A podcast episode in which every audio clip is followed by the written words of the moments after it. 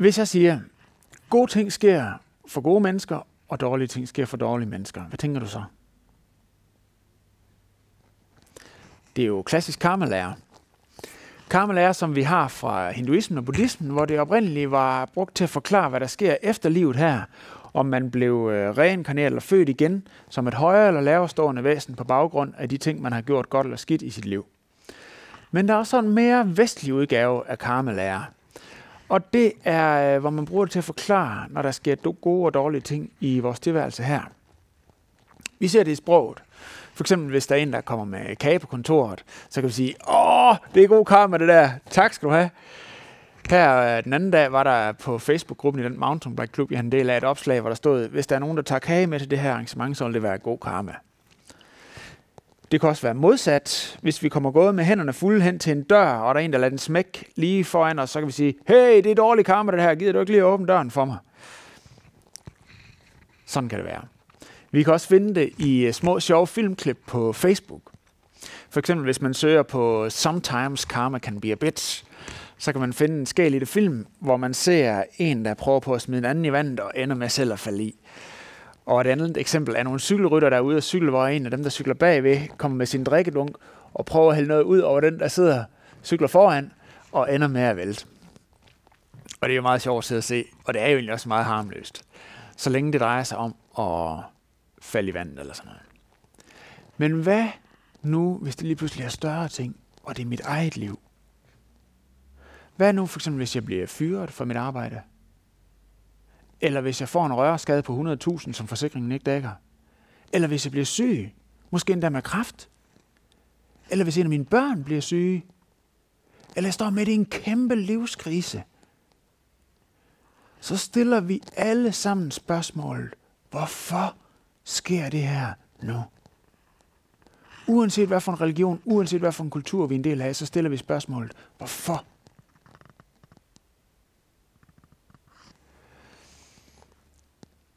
De næste to søndage, der vil vi her i Kongen Valmenhed tage livtag med nogle af tilværelsens helt store spørgsmål. Nemlig spørgsmålene, hvorfor? Hvorfor oplever jeg den her ulykke og modgang? Og hvorfor er jeg så succesfuld? Vi stiller med andre ord skarp på Jesus og karma. Den første søndag kigger vi på øh, øh, lidelsen, og den anden søndag kigger vi på, hvorfor jeg er så succesfuld. Men først lidelsen.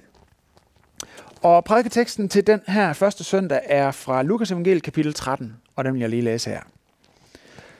På den tid kom nogen og fortalte Jesus om de galilæer, hvis blodet Pilatus havde blandet med blodet for deres offerdyr. Og han sagde til dem, Mener I, at de var større sønder end alle andre galilæer, siden det gik dem sådan? Nej, siger jeg. Men hvis I ikke omvender jer, skal I alle omkomme ligesom de. Eller hvad med de 18, som tårn de Silo er styrtet ned over og dræbte? Mener I, at de var mere skyldige end alle andre i Jerusalem? Nej, siger jeg. Men hvis I ikke omvender jer, skal I alle omkomme ligesom de. Så fortalte han dem denne lignelse.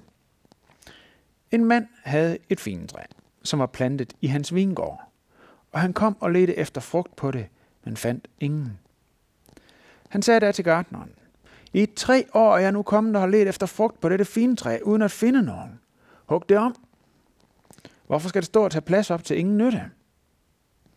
Men han svarede, Herre, lad det stå et år til, så skal jeg få gravet omkring det og give det gødning. Måske bærer det så frugt næste år. Hvis ikke, kan du hugge det om. Utøjer. Massakre. Anders Bering Breivik. Politisk motiveret. Slagtning. Meningsløst. Kan I huske det?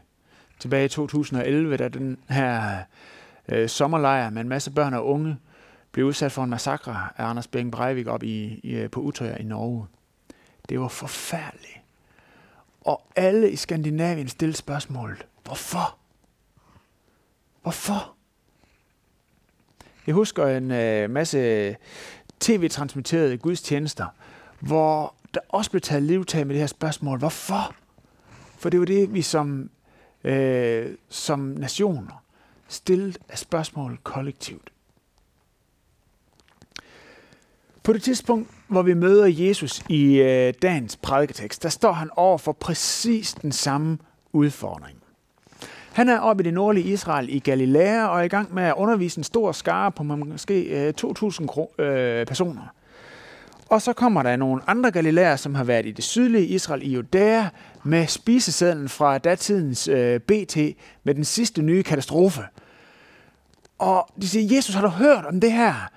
Pilatus har begået en massakre på nogle galilæer, som var i Jerusalem for at ofre, og han har simpelthen slagtet dem ned, mens de var, med, mens de var ved at ofre på den her pilgrimsrejse, og så deres blod blev blandet med blodet for deres offerdyr. Har du hørt om det? Og det vi skal huske, det er, at Jesus han står sammen med en hel masse galilæer, for hvem det her det også er en nyhed. Og højst sandsynligt så har nogle af dem, der har stået omkring ham, kendt til nogle venner eller bekendte, som har været på pilgrimsrejse til Jerusalem, og de tænker, ej, er det, er det nogen af dem, vi kender? Og der er bare gået et sug igennem flokken. Nej, det er urimeligt. Hvorfor? Og Jesus han stiller spørgsmålet, hvad mener I? Var de mere skyldige end alle andre galilæer, de som blev slagtet? Var de større syndere? Ja, det almene, almene religiøse svar, det går jo på, gode ting sker for gode mennesker, og dårlige ting sker for dårlige mennesker. Og lige en fodnote til det. Når jeg siger almen religiøst eller almen religiøsitet, så mener jeg, at de religiøse svar, som vi selv kommer op med af vores faldende natur. Altså når vi selv prøver på at svare på tilværelsens store spørgsmål om Gud, om kærlighed, om retfærdighed. Det er det, jeg mener, jeg siger almen religiøst. Det er det almen religiøse svar. Det har vi allerede set på, øh, hvordan det ser ud i karmelæren. Men også i discipleflokken omkring Jesus, så var det svaret. Vi ser det for eksempel i Johannes evangeliet kapitel 9, hvor Jesus øh, og disciplene kommer hen øh, til et sted, hvor der er en øh, mand, som har været øh, blind, siden han blev født. Og disciplen de spørger helt automatisk Jesus, er det ham selv eller hans forældre, der har syndet, siden at han er blind? For det må jo være fordi, at de har gjort noget dårligt, siden han er i den her dårlige situation. Så både karmelæreren og disciplene. Og faktisk så er der også et eksempel fra mit eget liv. Her i øh, sidste uge, den sidste uge i øh, efterårsferien, så øh, modtog jeg om fredag en mail fra teknisk forvaltning her i Kolding, hvor de kom med et afslag på en øh, ansøgning til noget byggeri, jeg havde sendt ind til dem. Og det blev jeg faktisk lidt mere øh, træt af, end jeg lige havde regnet med. Og jeg stillede spørgsmål, er der noget galt, øh, som Gud han prøver på at sige til mig, siden det her det bare ikke lykkes? Altså når det her det lykkes, er der så noget galt? Så selv i mit eget øh, præstehoved, så sker der den her uskønne blanding af almen religiøsitet og så min tro på Gud, hvor jeg prøver at tænke, jamen, er der et eller andet galt, siden det her det ikke lykkes? Så det almen religiøse svar på det her spørgsmål, det vil være ja. Men Jesus han siger nej. Han siger nej. Og så siger han, men hvis ikke omvender jer, så skal I alle omkomme ligesom de. Det vender vi lige tilbage til. Men først skal vi se på en anden case, som Jesus han smed på bordet. For han henviser til en begivenhed, som de sandsynligvis har kendt alle sammen, nemlig et tårn i Siloa, som er en forstad til Jerusalem, der var støttet ned og havde dræbt 18 uskyldige mennesker. Vi kommer måske helt øh, automatisk til at tænke på andre to tårne, som vi kender til, der styrtede ned 9-11 2001 i Manhattan, New York, og dræbte ikke bare 18, men 15.000. Der har lige været øh, 15-årsdagen for den her, det her skrækkelige terrorangreb. Og det, der har været interessant at lægge mærke til i de kommentarer og den debat, der har været i USA omkring øh, den tragedie, der er overgået den mission, det har været forklaringerne. Når man lytter til den yderste venstrefløj, i USA. Altså de ultraliberale, og øh, også, også når det kommer til det teologiske, altså øh, ateister og så videre. Deres øh, forklaringer kan være, at det er en reaktion USA's arrogante ageren på den geopolitiske scene. Altså det, at vi skal ud og sprede amerikanske værdier og skabe krig og sådan nogle ting og sager. Det er simpelthen en reaktion på det. Vi er altså selv skyld i terrorangrebet 11. september. Så vidt venstrefløjen. Hvis man går til højrefløjen og lytter til, hvad de siger, så er der folk på højrefløjen i USA, der forklarer det med, jamen det er Guds straf over et ugudeligt og frafaldent Amerika. Så uanset om man lytter til den ateistiske venstrefløj eller den dybt religiøse højrefløj, så er der svar ud fra den samme karmalogik om, at dårlige ting sker for dårlige mennesker. Var de mere skyldigt? Nej, okay, det var de måske ikke, vil vi sige. Både i tilfældet, som Jesus han nævner, og i øh, tilfældet med 9-11. Okay, gode ting sker altså ikke automatisk for gode mennesker, og dårlige ting sker ikke automatisk for dårlige mennesker, men dårlige ting sker dog. Dårlige ting, også rigtig dårlige ting. Folk, der bliver syge, tragedier, tårterne, der styrer ned, modgang i livet. Og hvad svarer Jesus på det, var forspørgsmål? Men svarer jo ikke engang på det. Det spørgsmål, som alle mennesker stiller, hvorfor? Hvorfor sker det her? Det svarer han ikke engang på. Den opgave, vi stiller til ham som Gud, den svarer han ikke engang på. Den løser han ikke. Men hvad gør han så? Ja, han gør det, som han så tit gør. Han fortæller en historie. En af de her lignelser. Og øhm, når Jesus han fortæller historie, så er det en god idé at lytte efter, hvorhen er det den her øh, historie, den får et lidt absurd twist. Hvorhen er der en, der reagerer på en måde, som absolut ikke var normal at reagere på i virkeligheden. For det er ofte der pointerne, det ligger. Så han fortæller den her historie, og den handler om et øh, fintræ, der står plantet i en vingård. Og det vi skal tænke på, det er, at Jesus han er i Galilea på det her tidspunkt, hvor 80% af befolkningen var beskæftiget inden for landbrug. Enten med findyrkning, vindyrkning, dyrkning af oliven eller korn, eller de var hyrder og havde får og kvæg.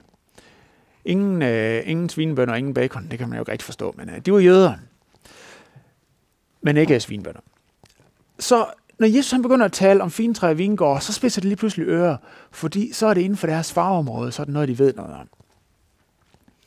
Og så fortæller han om øh, det her, den her vingård med det her fintræ, og fintræet, det havde ikke båret frugt, ikke bare i et år, men i tre år. Og så tænker jeg, den her landbrugbefolkning med det samme, det var da godt nok ringe. Det kunne vi have gjort bedre. Det er da godt nok utrolig pinligt for den, der har passet den her vingård, den her gartner. Han har godt nok ikke gjort det godt. Altså, han, øh, han bliver fyret. Det er helt sikkert. Men det er godt nok pinligt for ham. Tre år. Så et fint træ, det plejer at være frugt hver år. Og så fortæller Jesus om, at ejeren kommer og siger, at øh, han skal det her fintræ om. Og folk de har stået og tænkt, ja selvfølgelig, det burde han godt have kunne sagt sig selv. Altså hvis han er en ordentlig gartner, så havde han hugget det om for noget tidligere. Og så er det, at filmen knækker fuldstændig i den her historie, Jesus han fortæller. Fordi så fortæller han, at nu begynder gartneren at argumentere med ejeren overfor, at han skal lade det her, øh, det her fintræ stå. Og så har tilhørerskaren tænkt, nu nøjer han sig ikke med at blive fyret, nu bliver han simpelthen smidt ud på røv og albuer, for det er simpelthen uforskammet. Sådan taler en underordnet ikke til sin overordnet, og slet ikke noget, som er så fagligt indlysende, at det skulle have båret frugt. Så tilhørskaren, de vil stille det her spørgsmål, når Jesus han den her historie. Hvem er den gartner? Hvem er den gartner? Hvem er den gartner, der er så passioneret optaget af en fremtid for det her frugtesløse fintræ? Hvem er det, der er så optaget af, at det her træ, det må lykkes, at det må blomstre, at det må komme til at bære frugt, At han er villig til at sætte sit eget på spil, sin eget faglige stolthed, sit navn og sit rygte, sit indtægtsgrundlag og sin sikkerhed for det her træs skyld. Hvem er den gartner?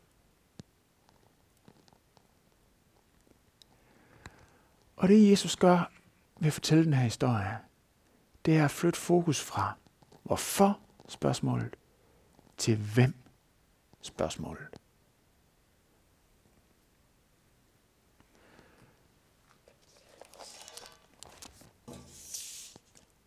Jesus han øh, sagde, som jeg tidligere nævnte, det her med, men hvis I ikke omvender jer, skal I alle omkomme ligesom det. Og det siger han, fordi at han ved, at den største katastrofe, der kan møde de her folk, det er ikke det at få en tårn i, et, et, et tårn i hovedet, eller anden modgang, som kan lø, øh, møde os i tilværelsen, uanset hvor hård den ellers kan være. Og det er ikke, fordi Jesus han ikke har medfølelse med de ting, vi, øh, vi møder. Han helbreder folk, han hjælper folk, der er syge, han løfter folk op, der er undertrykte. Han er i den grad optaget af at hjælpe os i den modgang, vi møder her endnu. Men han ved, at det er ikke den største katastrofe, der kan møde os. Den største katastrofe, der kan møde et menneske, det er at møde Gud på dommens dag alene. Alene. Og selv skal stå med hele vægten af det negative, som vi har været skyld i. Jesus siger, ja, der vil komme en dom, og ja, der er lidelse her i tilværelsen. Men hvad er løsningen på det? Er løsningen at forstå det og få svar på hvorfor spørgsmålet? Nej, løsningen er at komme videre. Og der har vi brug for at få svar på spørgsmålet om hvem. Hvem kan hjælpe mig videre? Jesus han ved, at det vigtigste spørgsmål det er ikke hvorfor, men det er hvem. Og Jesus, han kom jo netop for at bringe en ende på ledelsen og kæmpe imod den. Det, det var det, han kæmpede imod, da, da, han, da han var her på jorden. Og han siger, at en dag, der skal lidelsen og alt det onde og modgangen endelig destrueres en gang for alle. Jesus han kom netop for at kæmpe imod lidelsen og for at bære ledelsen og dommen på sin egen krop, da han døde for os på korset. Jesus er netop svaret på hvem spørgsmålet. Det er ham, der er gartneren. Jeg har en øh, bil, og jeg kan godt lide at køre bil. Og i min bil, der har jeg, når jeg har rettet her, så har jeg et øh, bagspejl heroppe. Deroppe. Og i vores liv, kan man også sige, der er både et bagspejl og et forvindue. Og når vi kigger op i det bagspejl der, så vil der være en masse spørgsmål, når vi kigger tilbage på vores liv. Hvorfor skete det? Hvorfor blev jeg udsat for det? Hvorfor gik det sådan i stedet for sådan? Der står hvorfor op i det der bagspejl. Og min påstand er, at kristendommen giver ikke noget svar på hvorfor spørgsmålet. Jo, den giver generelle svar. Sådan. Den siger for eksempel, der har været et syndefald, der har fundet sted, der kom sygdommen ind i verden. Det betyder, at vi bliver syge af bakterier og viruser og ting og sager. Det er forklarligt. Den siger også, at der er noget, der hedder synd her i verden, siden syndefaldet. Og det betyder, at mennesker rent faktisk kan gøre onde ting imod hinanden. Det forklarer os lidt. Så har vi også i kristendommen læren om en djævel, en personlig og aktiv ondskab, som ønsker det værste for, øh, for os mennesker, som Gud elsker at holde af, det forklarer os noget. Vi har også, øh, godt nok ikke kristendom, men ellers en anden øh, god forklaring. Einsteins, vores fantastiske videnskabsmand Einsteins øh, øh, relativitetsteori, anden, øh, termodynamikkens anden lov, som går ud på, roden i entropien er uendelig, siger han. Eller øh, måske bedre forklare det med, at alting går imod sin opløsning, er pointen i det. Eller på mere mundret dansk. Uh, shit happens. Det er alt sammen ting, der kan forklare brækker af det, vi oplever af svære ting. Men når vi kigger op i bagspejlet, så får vi ikke noget svar på, hvorfor skete det? Hvorfor, hvorfor, hvorfor fik jeg den sygdom? Hvorfor gik jeg for lidt? Hvorfor døde det der barn? Hvorfor skete de og de ting i min barndom? De konkrete ting, det får vi ikke noget svar på. Det er min påstand. Så når vi kigger op i bagspejlet, så får vi altså ikke svar på hvorfor spørgsmålet. Det Jesus han siger omkring de ting, vi ser i bagspejlet, det er, det er ikke en straf fra Gud.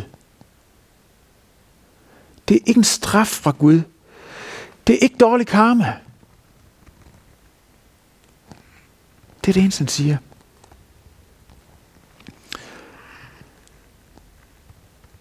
Måske er dagen i dag en dag, hvor det, som du skal omvende dig fra, er at stige op i det bagspejl og blive ved med at stille spørgsmål. Hvorfor? Hvorfor? Hvorfor?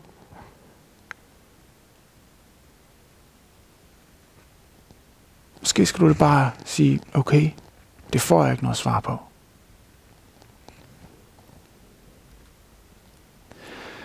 Da Jesus han talte til de her galilæer og fortalte den her lignelse og så videre, der stod han lige foran dem. Og så sagde han, jeg er gardneren. Det er mig, der er passioneret optaget af at give dig en frugtbar fremtid sammen med mig.